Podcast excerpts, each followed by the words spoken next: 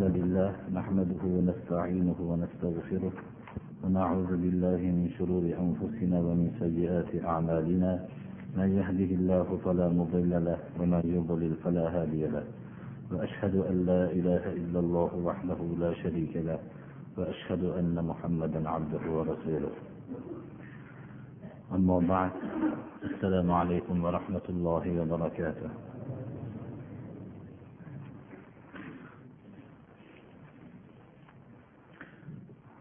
أعوذ بالله من الشيطان الرجيم.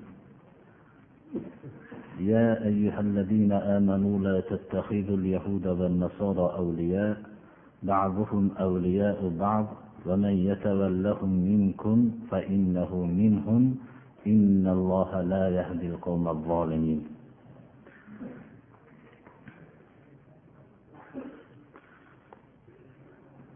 qur'oni karimdan bugungi darsimizda avvalgi darslarimizda davom etayotgandek ahli kitoblarga nisbatan bo'lgan munosabatlarni bayon qilinadi.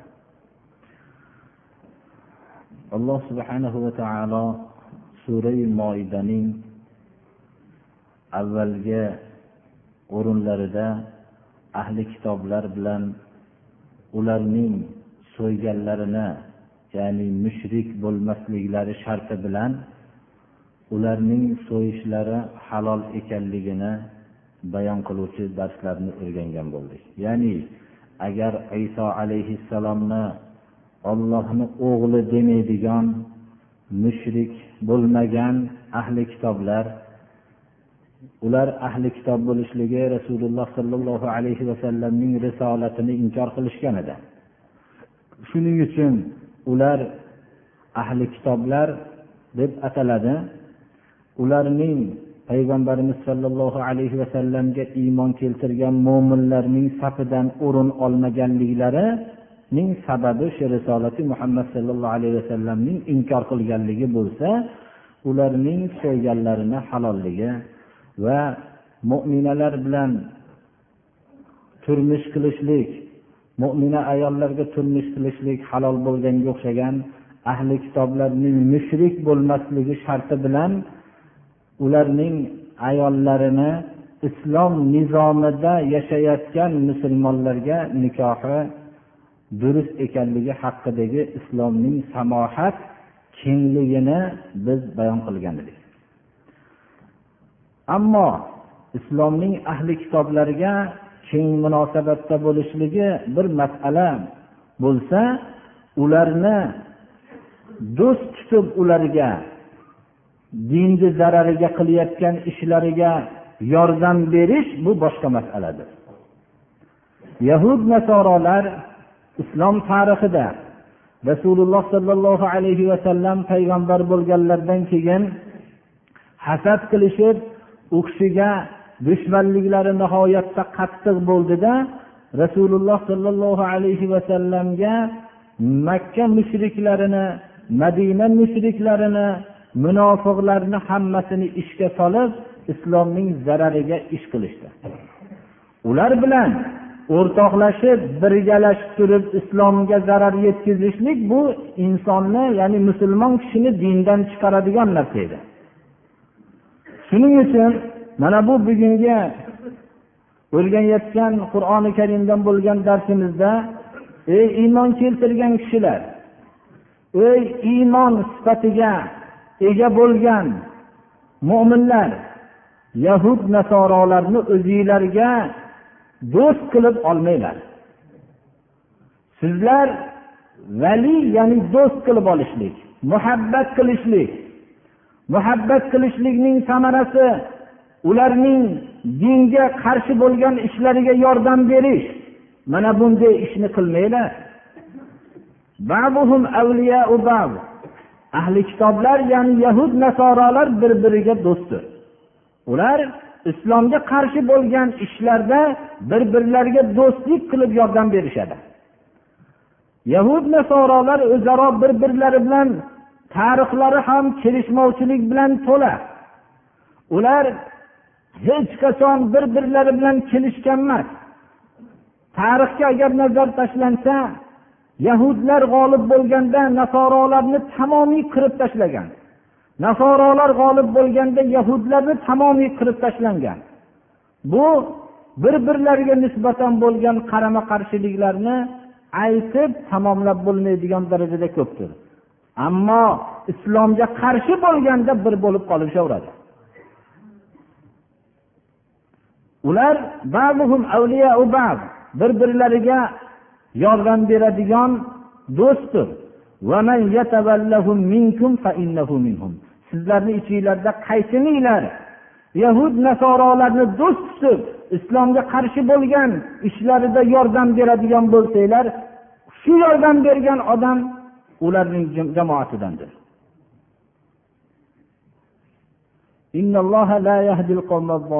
Alloh subhanahu va taolo bunaqa o'ziga zulm qilgan musulmon jamoaga zulm qilgan islom diniga zulm qilgan bunday kishilarni olloh haq yo'lga hidoyat qilmaydi. Hidoyat u darajada arzon yalinib beriladigan narsa emaski hatto islomga qarshi kurashayotgan kishilar bilan bir bo'lib islomga qarshi ish qilayotgan kishilarni do'st tutgan odamga ham berilaveradigan arzon narsa emas. Olloh bunday zolim kishilarni hidoyat qilmaydi.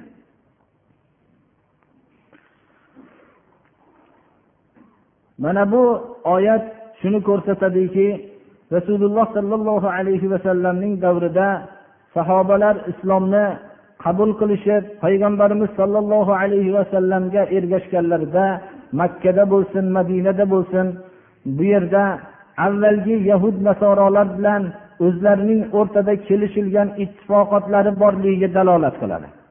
Ana bu ittifoqotlar islom endi rivojlangandan keyin islomning zarariga ish qilayotgan kishilar bilan bo'lgan aloqalarini ya'ni muhabbatlarini uzishlikni talab qilganligini ko'rsatadi. Ba'zi bir holatlar iqtisodiy va ba'zi ijtimoiy holatlar ular bilan birlashishlikni ilgari talab qilgan. Ana bu islomga zarar yetkazadigan holatlarda ularni do'st tutishlikni bu yerda oyat kalimada kim do'st tutsa ularning bittasi bo'ladi degan qattiq bir vaidni keltiradi.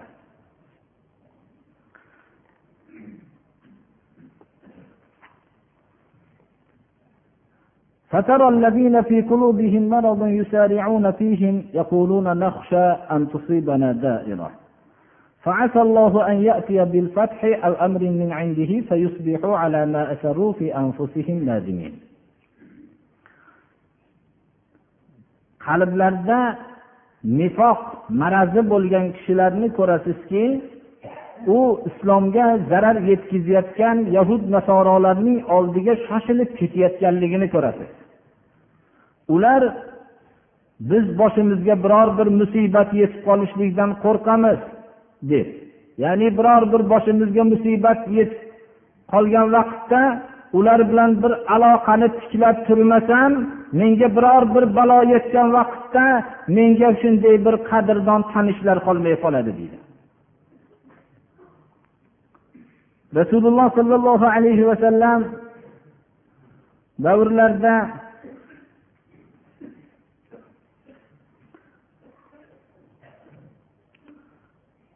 valid ibn ubodat ibn somitdan rivoyat qilinadiki oxirgi robiy لما حاربت بنو قينقاع رسول الله صلى الله عليه وسلم تشبث بأمرهم عبد الله بن أبي وقام دونهم.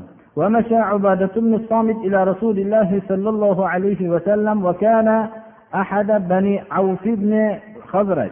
له من له من له من حلفهم مثل الذي لعبد الله بن أبي فجعلهم إلى رسول الله صلى الله عليه وسلم وتبرأ إلى الله ورسوله من حلفهم. وقال يا رسول الله أبرأ إلى الله ورسوله من حلفهم وأتولى الله ورسوله والمؤمنين وأبرأ من حلف الكفار وولايتهم. ففيه وفي عبد الله بن أبي نزلت الآية في المائدة استعيذ بالله يا أيها الذين آمنوا لا تتخذوا اليهود والنصارى أولياء إلى آخرها banu qaynuqo banu qurayza banu nazir uchta qabila madinada yahudlar qabilasi bo'lardi bu banu qaynuqo qabilasi rasululloh sollallohu alayhi vasallam bilan qattiq jang qildi shunda abdulloh ibn ubay munofiqlarning boshlig'i madinadagi banu qaynuqo bilan ittifoq tuzgan vaqt edi. Banu qaynuqo qabilasi chekingandan keyin rasululloh sollallohu alayhi vasallamning oldiga borib ularni himoya qilib turdi. Ibodat somit bilan ham bu banu qaynuqo qabilasining o'rtasida ittifoq bor edi roziyallohu anhu. Bu kishi shu voqeadan keyin islomga qarshi jang qilishgandan keyin rasululloh sollallohu alayhi vasallamning oldilariga ibodat somit roziyallohu anhu kelib men islomni zarariga ish qilgan dushmanlardan bezorman. Hozir aloqamni uzdim. Alloh rasulini va mo'minlarni bugundan boshlab do'st tutsin dedilar. Ammo abdulloh ibn ubay bu munofiqlarning boshlig'i rasululloh sollallohu alayhi vasallamning oldida banu qaynuqoni himoya qilib turdi. Va aytdiki men ozgina bir himoya qilib shunday qilib qo'ymasam shu yerda turibman menga biror bir boshimga musibat yetib qolishligidan qo'rqaman dedi. Kalavaning ikki uchini ushlab tursam demoqchi bo'ldi. Qalbida maraz nifoqi bo'lgan kishilarning olloh rasulining dushmanlarini oldiga chopib borib ular bilan maxsus bir aloqani tiklab turishadiki boshimga biror bir musibat tushib qolganda shular asqatib qoladi deb. Alloh subhana va taolo bularning tarixni bizga bayon qilib beryapti. Lekin bu narsa hozirda ham shu narsani o'zingiz bir go'yoki shu oyat hozir nozil bo'layotganga o'xshaydi. Demak islomni ham do'st tutib kufrni ham do'st tutib o'rtada bir manzilatni paydo qilib qo'qqisdan biror bir shaxsimga zarar yetib qolganda ba'zi bir kufr tarafini ham ushlab turmasam bo'lmaydi degan kishilarning qalbida munofiqlik bo'lgan kishilarni ko'rasizki ularning oldiga shoshilib borayotganligini. va boshimga biror bir musibat yetib qolishligidan qo'rqaman deyayotganligini فعسى الله أن يأتي بالفتح أو أمر من عنده فيصبحوا على ما أسروا في أنفسهم نادمين shoyat alloh subhanahu va taolo fathni makka fathini yoyinki o'zini huzuridan boshqa bir zafarni olib kelib qolsa ajab emaski unda qalbida maraz bo'lgan nifoq marazi bo'lgan kishilar o'zlarining qalblarida bekitgan narsaga nadomat qilib qolishadilar alloh subhana va taolo zafar bergan vaqtida shunda men kufrdan bezor bo'lsam bo'lar ekan deb attan qilganligini ko'rib qolasiz ويقول الذين آمنوا أهؤلاء الذين أقسموا بالله جهد أيمانهم إنهم لمعكم حبطت أعمالهم فأصبحوا خاسرين ويقول الذين آمنوا أهؤلاء الذين أقسموا بالله جهد أيمانهم إنهم لمعكم iymon keltirgan kishilar alloh subhanahu va taolo tarafidan g'alaba kelganda mo'minlarga ular aytishadilarki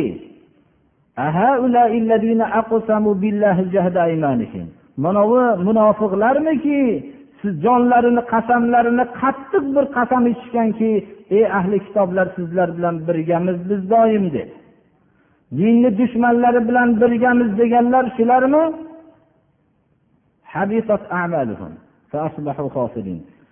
Din o'zi tilida dindorman deb dinni zarariga ish qilayotgan odam bilan sizni ishingizda men yordam beraman deb siz bilan birgaman degan odamlarning alloh subhana va taolo amallarining habata bo'lganligini va ular butunlay dunyoyu oxiratdagi ziyonkor odam ekanliklarini bayon qilyapti.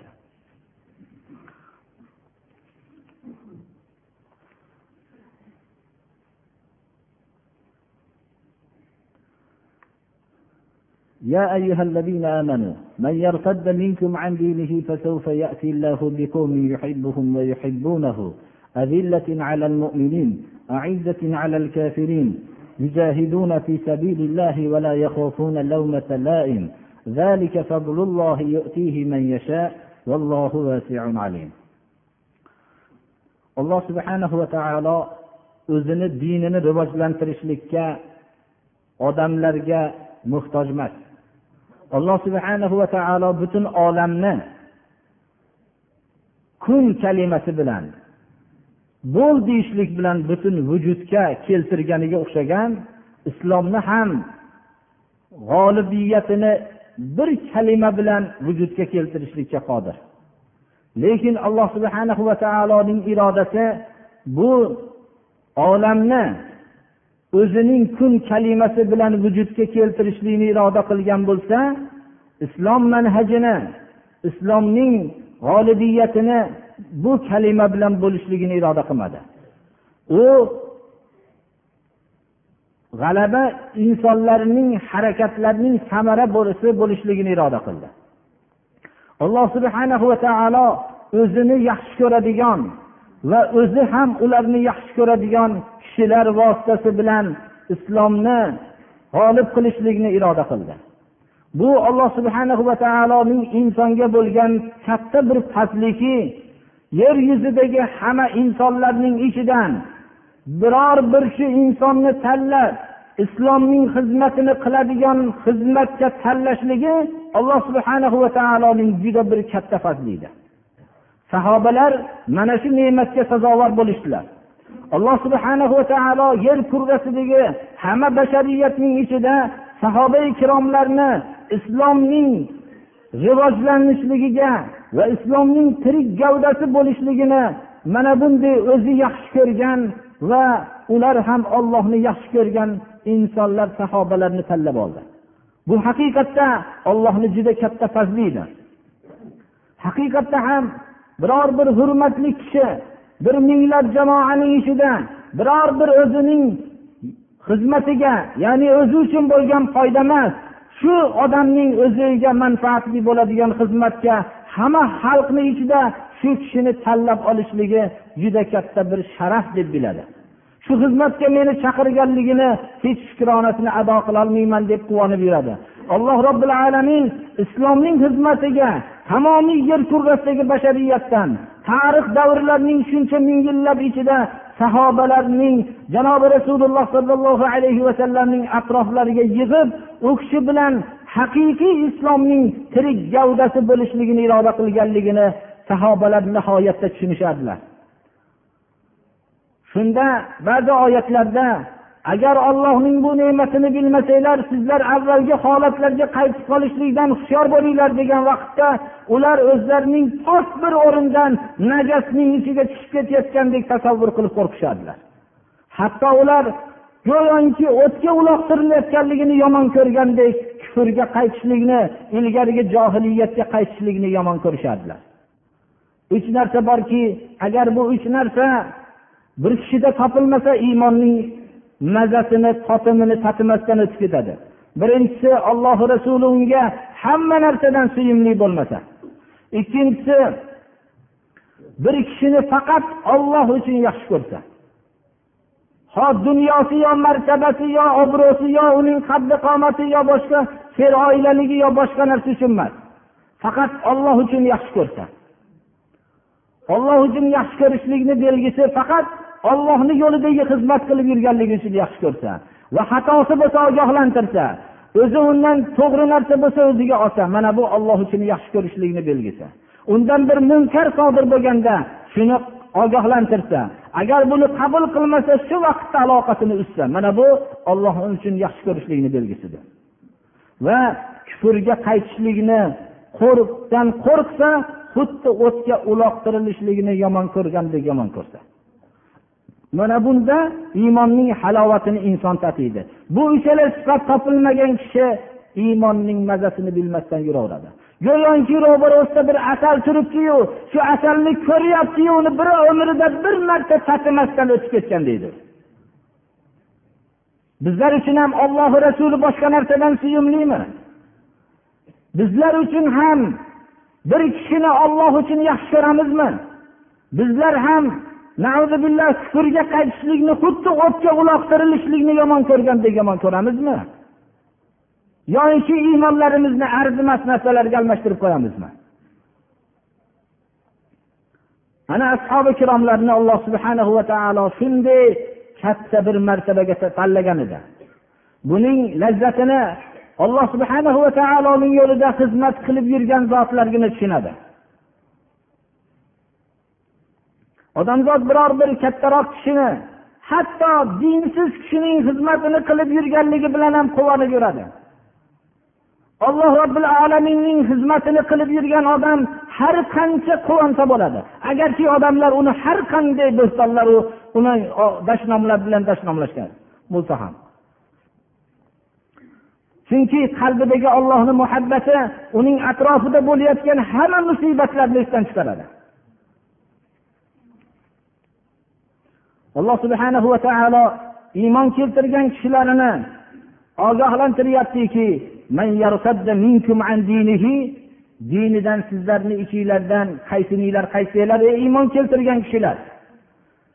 Dinni zarariga ishlayotgan kishilarni do'st tutib dininglardan chiqib ketgan bo'lsanglar olloh olloh o'zi yaxshi ko'radigan kishilarni olib keladi sizlarni o'rninglarga. Ular ham ollohni yaxshi ko'radi.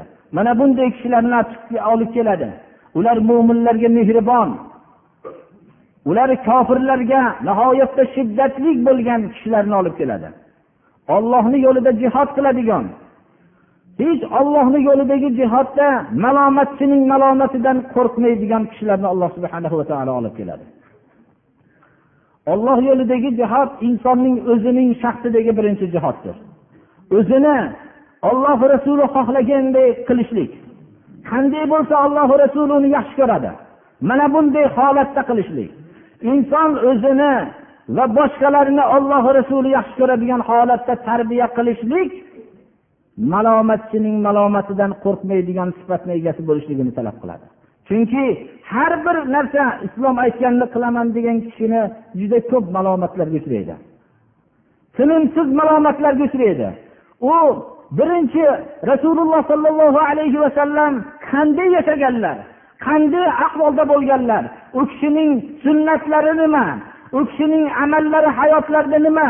Bu narsalarni o'ziga gavdalamoqchi bo'lgan odam odamlar tarafidan masxaraga uchraydi. Xususan dinni bilmagan islomiy jamiyat bo'lmagan jamiyatda ko'proq malomatlarga uchraydi. Rasululloh sollallohu alayhi vasallam tark qilgan bid'atlarni tark qilsa u kishining sunnatlarini ihyo qilishlik uchun harakat qilsa juda ko'p malomatchilarning ro'barusida turadi. Ana bu vaqtda malomatchining malomatidan qo'rqmaydigan sifatni egasi bo'lmasa u hech qachon o'zining haqida ham tarbiya qiladigan jihatda mag'lubiyatga uchraydi. Hatto u o'zidan ham mag'lubiyatga uchraydi. Undan keyin boshqalarni tarbiya qilishlik undan keyin ollohni kalimasini oliy bo'lishlik uchun jihod mana bu harakatlarning hammasi malomatchining malomatidan qo'rqmaydigan sifat egasi bo'lishlik kerak. Xullas qilib aytganda bir kishi ollohni yaxshi ko'rsa olloh uni yaxshi ko'rsa unda malomatchining malomatidan qo'rqmaydigan bir sifat paydo bo'ladi. Mana bu muhabbat olloh rasulining muhabbati uning har qanday o'rtadagi turgan to'siqlarni hammasini bosib o'tadi.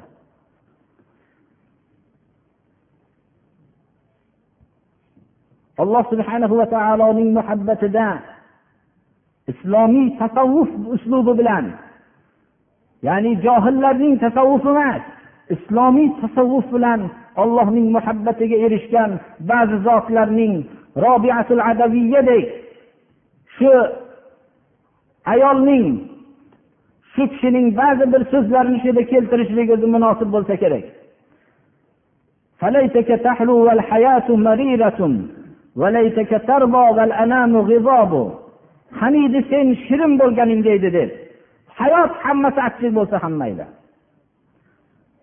qaniydi sen mendan rozi bo'lganingda edi butun yer yuzidagi odam menga g'azablanganda mayli edi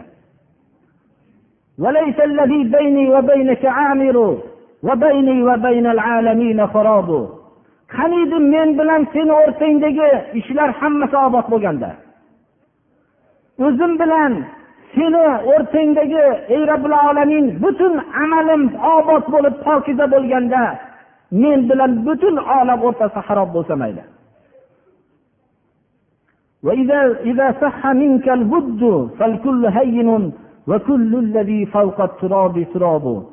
agar seni tarafingdan menga muhabbat men seni nihoyatda senga muhabbatim balandu ammo sen tarafingdan ham menga muhabbat hosil bo'lsa dunyodagi hamma qiyin ishlar menga osondir.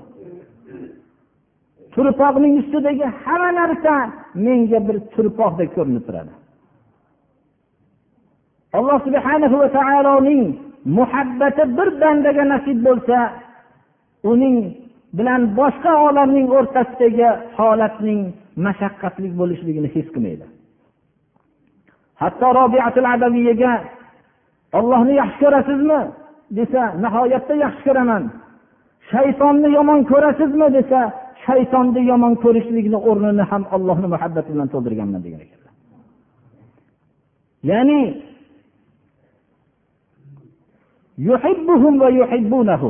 ollohni yaxshi ko'radigan va olloh yaxshi ko'radigan va ollohni yaxshi ko'radigan kishilarni alloh subhana va taolo olib keladi. Dinni xizmatiga sahobalarni olloh tanladi.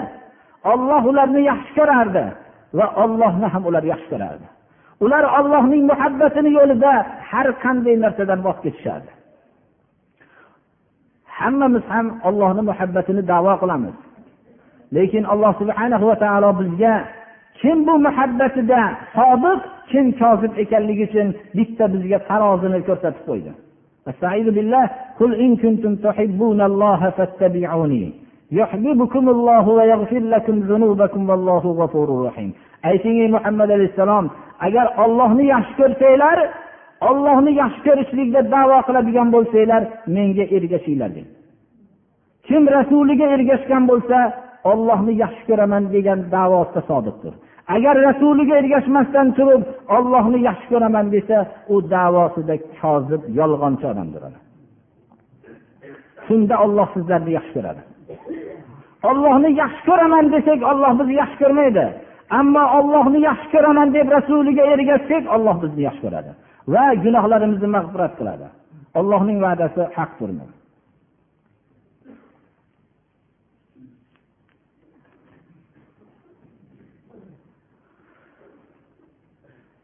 Alloh subhanahu va taoloning yaxshi ko'rganligini va ollohni yaxshi ko'rganligimizni alomatlaridan bittasi yana mo'minlarga mehribon bo'lishligimiz va kofirlarga murosasiz shiddatli bo'lishligimiz bu alloh subhanahu va taoloning yaxshi ko'rishligini belgisidir. Ollohni yo'lidagi harakatimizda malomatchining malomatidan qo'rqmaydigan bo'lishligimiz ham ollohni yaxshi ko'rishligimizni belgilaridandir haqiqatda ham bu haqni bir amal qilmoqchi bo'lgan kishi shariatning o'zini amal qilmoqchi bo'lgan kishi malomatchining malomatiga bardosh beradigan yurakni oldin hosil qilishligi kerak. Lekin biror bir sunnatni ihyo qilmoqchi bo'lsangiz shariatning hukmini haqqa amal qilmoqchi bo'lsangiz falonchilar har xil so'z aytib qo'yar ekan deb turib bu narsadan qaytgan odam ollohni muhabbatini davo qilmasin. Ana shu mahalladagi islomdan bexabar bo'lgan kishining muhabbatini davo qilsin. Ollohni muhabbatini davo qilgan odam olloh rasulini yo'lida har qanday narsaga tayyor bo'lsin.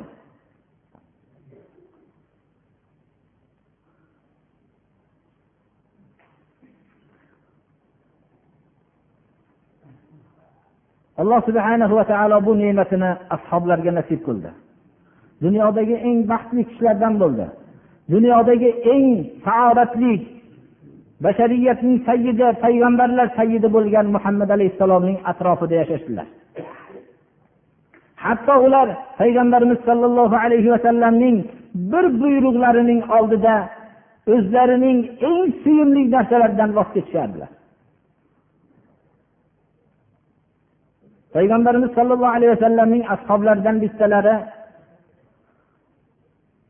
shu kishi o'tirganlarida bir kishi yerdagi toshni shunday qilib chertdi chertigan vaqtda birovga ishora qilishlik uchun shu toshni chertiganlarida aytdilarki rasululloh sollallohu alayhi vasallam shu toshni chertib birovga ishora qilishlikdan qaytarganlar dedilar.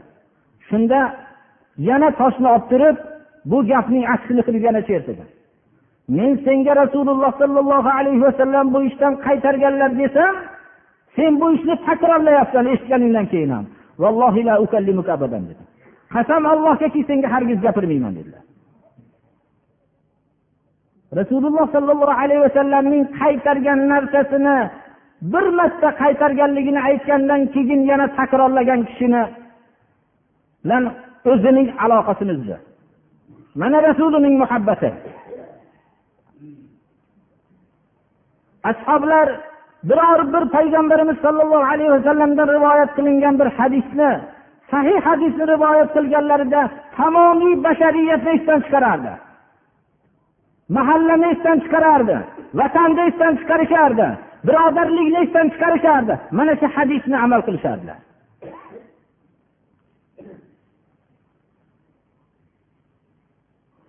Chunki bir kishi agar shunday muomalani mehribon dadasiga nisbatan dadasining aytganini qilmay qo'yadigan bo'lsa dadasi kechirmaydi birodarlar.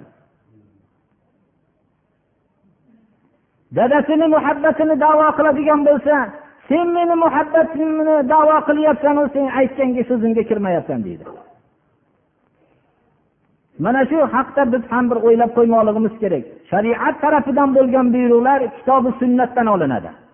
Kitobi sunnatda sahiy bo'lib kelgan qur'onda kelgan oyat va hadisda kelgan narsa bilan sobit bo'lgan narsa shariatning hukmidir. Agarki yer yuzi qarshi bo'lsa ham. Shunda biz ergashishlik bilan biz o'zimizning muhabbatimizda sodiq kishilarga aylanamiz.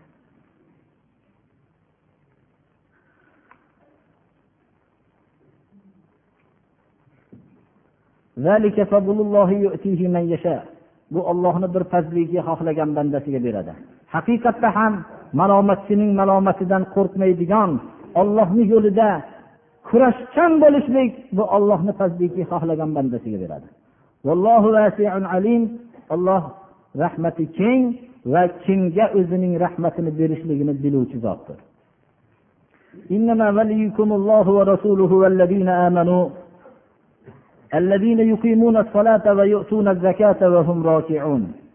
Sizlarning haqiqiy do'stinglar alloh subhanahu va taolo va rasuli va mo'minlardir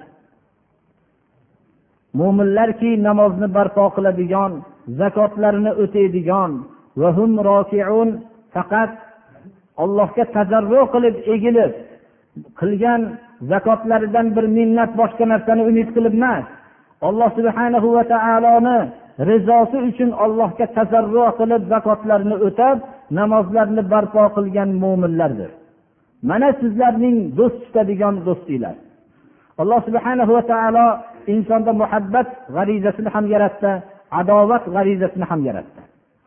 Xuddi bizda yemoq g'arizasini yaratib yeydigan narsalarni yaratganga o'xshagan ichmoq suyuqliklarni ichadigan g'ariza tabiatni yaratib ichadigan halol narsalarni yaratganga o'xshagan jinsiy g'arizani yaratib buning yo'lini bizga nikoh yo'li bilan ko'rsatganga o'xshagan insonda muhabbat g'arizasini ham yaratdi. Ya'ni bir narsani yaxshi ko'rishlik g'arizasini yaratdi. Agar shuni yaxshi ko'radigan narsalarning alloh subhana va taolo ko'rsatgan narsalarni yaxshi ko'rmasak qandaydir botil narsalarni yaxshi ko'rib qolamiz. Bu yaxshi ko'radigan narsalar olloh va rasuli va namozlarni barpo qilib zakotlarini tazarru bilan o'tayotgan mo'minlardir agar shu uchovi narsa bilan biz muhabbatni shu uchov narsaga bog'lamasak boshqa narsaga bog'lab qo'yamiz. Shunga o'xshagan adovat g'arizasini ham yaratdi. Inson qandaydir bir narsani yomon ko'rishlik tabiati bor. Bunga shaytonni yaratdiki biz shaytonni yomon ko'ramiz shirkni yomon ko'ramiz mushrikni yomon ko'ramiz kofirni yomon ko'ramiz yahudni yomon ko'ramiz nasoroni yomon ko'ramiz. Mana bu tabiatni bizga alloh subhana va taolo yaratdi. Shaytonning jamoalarini yomon ko'rishlikni yaratdi. Bularni biz adovatimizni agar shunga ishlatmaydigan bo'lsak biz noto'g'ri bir narsalarni yomon ko'rdi ya'ni gunoh bo'ladigan agar yomon ko'rsak gunohkor bo'ladigan narsalarga sabab bo'lib qoladi demak biz har bir g'arizamizni nima bilan qondirishligimizni alloh subhana va taolo buni yo'lini ko'rsatdi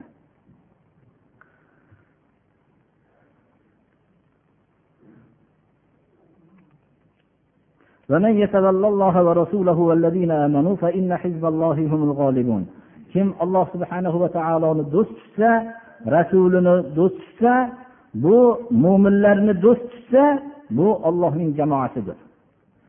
Ollohni jamoasi ollohga va rasuliga iymon keltirgan kishi ollohni do'st tutgan va rasulini va mo'minlarni yaxshi ko'rgan kishi ollohni jamoasidir. Bu ollohning jamoasi albatta g'olib jamoadir.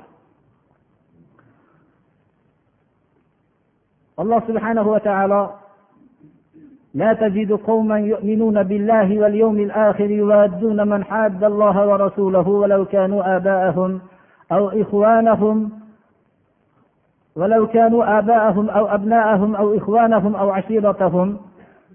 أولئك كتب في قلوبهم الإيمان وأيدهم بروح منه ويدخلهم جنات تجري من تحتها الأنهار خالدين فيها رضي الله عنهم ورضوا عنه. ollohga qiyomat kuniga iymon keltirgan kishilarni ollohi rasulini hududidan chiqib ollohi rasuliga qarshi bo'lgan kishilarni do'st tutgan topmaysiz. Agarki olloh rasuliga qarshi chiqqan kishilar otalari bo'lsa ham farzandlari bo'lsa ham aka ukalari bo'lsa ham qarindoshlari bo'lsa ham olloh rasulini hukmiga qarshi chiqqanligi uchun ollohni buyrug'ini qilmaganligi uchun bu bularni do'st tutmaydi. Shaxsiy g'arazi bilan emas. Faqat olloh rasulini hukmidan qarshi ollohni hukmiga qarshi chiqqanligi uchun do'st tutmaydi. Bular qalblariga alloh subhana va taolo iymonni kitobat qilgan kishilar. Yaqinda alloh subhana va taolo ularni ostlaridan anhorlar o'tadigan jannatlarga kirgizadi. Olloh rozi bo'ladi va ollohdan ular ham rozi bo'lishadi. Bu ollohni jamoasi ollohni jamoasigina najot topuvchi kishilardir. Mana bu biz shu yerdan o'zimizni bilib olishimiz kerakki birodarlar agar alloh subhana va taolo aytgan sifatda bo'lar ekan inson albatta doim g'olib bo'lib yashaydi.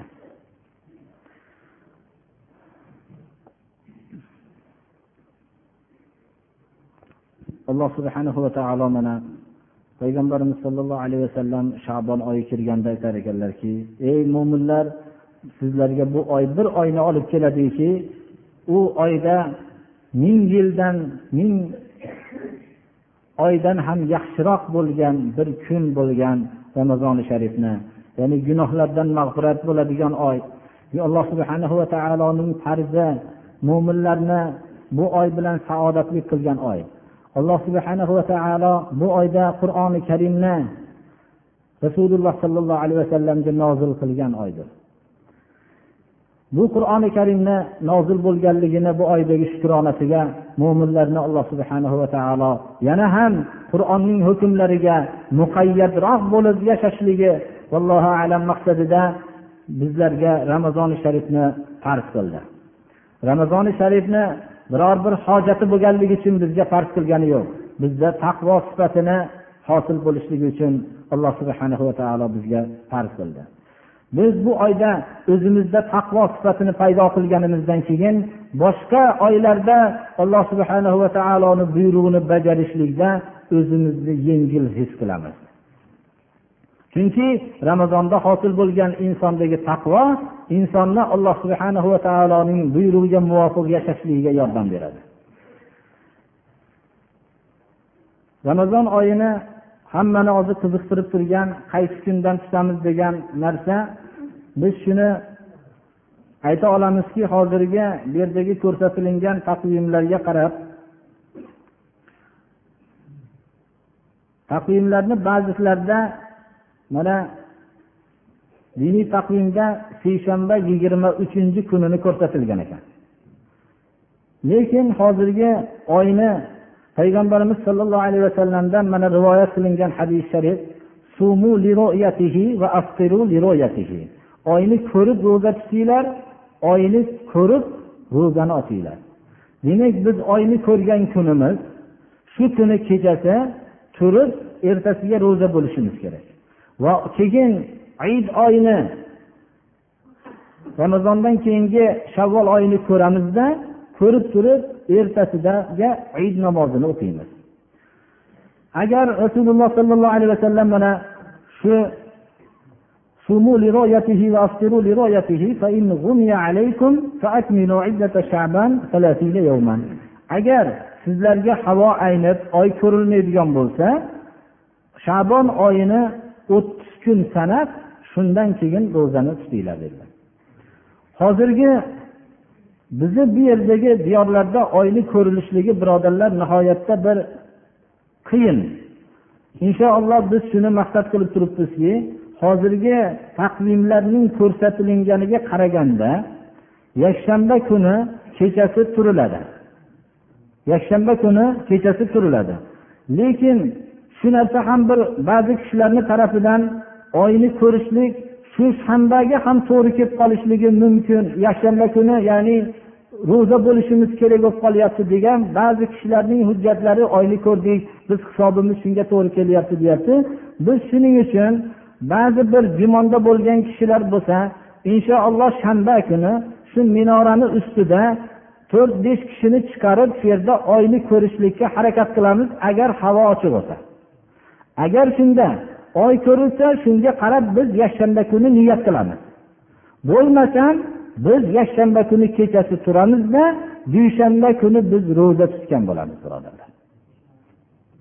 Shuning uchun ba'zi bir kishilar atrofdagi bo'lgan kishilar mabodo shu shubhani yo'qotishlik uchun bo'ladigan bo'lsa shanba kuni asrdan keyin to shom namozigacha shu yerda bir oyni kuzatishlikka biz harakat qilamiz agar havo ochiq bo'lsa. U kishilar o'zlarining amallarini ba'zi bir amallarini shu ramazonda qilishlikka odatlanishgan zakot masalasini ko'p so'ralgan. Hozirgi vaqtdagi bu pulni bir qarorsiz bo'lib qolganligi qadrsizlanib borayotganligi natijasida zakotning qancha bir nisob bilan bo'lishligi haqida juda ko'p kishi bir mushkul bir holatda qolgan. Shuning uchun agar bu fikrim to'g'ri bo'lsa alloh subhana va taoloni tarafidan bo'lmasam bu o'zimni xatoyim bo'ladi. Shuni aytamizki islom dinidagi zakotning nisobi yigirma misqol tillo va ikki yuz tanga yoyinki kumush hisoblanadi. Hozirgi vaqtda agar yigirma misqol tilloni hisob qilinsa bir misqoli taqriban yigirma misqol hammasi sakson sakkiz grammga to'g'ri keladi. Sakson sakkiz gramm bo'ladigan bo'lsa tillo sotadigan magazinlarning xabar olinib ko'rinishligiga qaraganda ba'zi bir turdagi tillolarning magazindagi narxi to'rt ming yetti yuz ellik ikki so'm bo'lsa bir grammi. Ba'zilari bo'lsa besh ming olti yuz qirq so'mni tashkil qiladi. Shuni o'rtachasi taqriban besh ming deydigan bo'lsa bir grammni to'rt yuzu qirq ming so'm pulni tashkil qiladi. Biz buni zakot beruvchi kishi bir badavlat bo'lishligi kerak boy bo'lishligi kerak. Hozirgi vaqtda mana eshitilishiga qaraganda ba'zi kishilar bitta katta molni olishlik uchun yuz ming so'mga olayotganligi mana ma'lum bo'lyapti. Bu badavlat kishi bironta bir molni olib bir sal badavlatligi bilinishligi kerak. Agar shu hozirgi aytilingan miqdorga ega bo'lgan kishini boy desak xato qilmagan bo'lamiz. Shu miqdorda kishini haqiqatda badavlat deb aytsak bo'ladi. Chunki u ba'zi bir narsalarni qilishlikka qodir bo'ladi. Shuncha pulga qodir bo'lgan kishi ya'ni to'rt yuz qirq ming so'mga taqriban shunga qodir bo'lgan kishi tillo hisobi bilan zakot bersa shunda vallohu alam xato bo'lmasa kerak. Shunga qodir bo'lgan odam qirqdan birini bu zakot beradi. Bir masalalar so'ralishdi homila ayollarning ro'za tutishligi haqidagi bo'lgan narsa agar dinsiz tabibalardan so'ralsa ular homilaga albatta ro'za zarar qiladi deydi. Homila emas erkakka ham zarar qiladi deyishadi ular. Bularning shahodati o'tmaydi birodarlar. Ular er kishiyu ayol kishiyu yosh bolayu qari hammaga bu ramazon zarar qiladi deb tushuntiradi. Bularning shahodati qabul emas.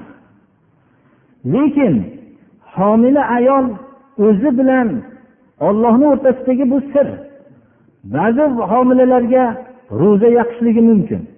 Lekin bolaning rivojlanishligi uchun ro'za tutishlik shu zarar qilganligini guvohi qabul qilinadigan dinga bir tushungan bir tabiba orqali eshitsa ro'zasini ochib vaqtincha ochib turishligi mumkin birodarlar. Mana ko'p kuchli duo qildilar alloh kasallarga shifo bersin. Din yo'lida xizmat qilayotganlarni alloh subhanahu va taolo mana alloh xizmatlarini oliy qilsin. Alloh subhanahu va taoloni yo'lida yurgan kishilarning hammasini xizmatiga alloh najot bersin. islomni manfaatiga ishlayotganlarga alloh madad bersin islomni zarariga ishlayotganlarni alloh taolo halok qilsin vayron qilsin alloh subhanahu va taolo islomni oliy qilsin islomning haq ekanligini islomni bilmasdan yurganlarning qalbiga bildirsin alloh subhanahu va taolo musulmonlarni aziz qilsin xorlikdan alloh subhanahu va taolo saqlasin kufr shirkni alloh taolo xor qilsin وصلى الله تعالى على خير خلقه محمد وآله وأصحابه أجمعين bandalari ollohdan taqvo qilinglar. Alloh subhanahu va taolodan taqvo qilishlik eng katta amallarning bittasidir. أعوذ بالله من الشيطان الرجيم يا أيها الذين آمنوا كتب عليكم كتب عليكم الصيام كما كتب على الذين من قبلكم لعلكم تتقون أياما معدودات فمن كان منكم مريضا أو على سفر فعدة من أيام أخر. وعلى الذين يطيقونه فدية طعام مسكين.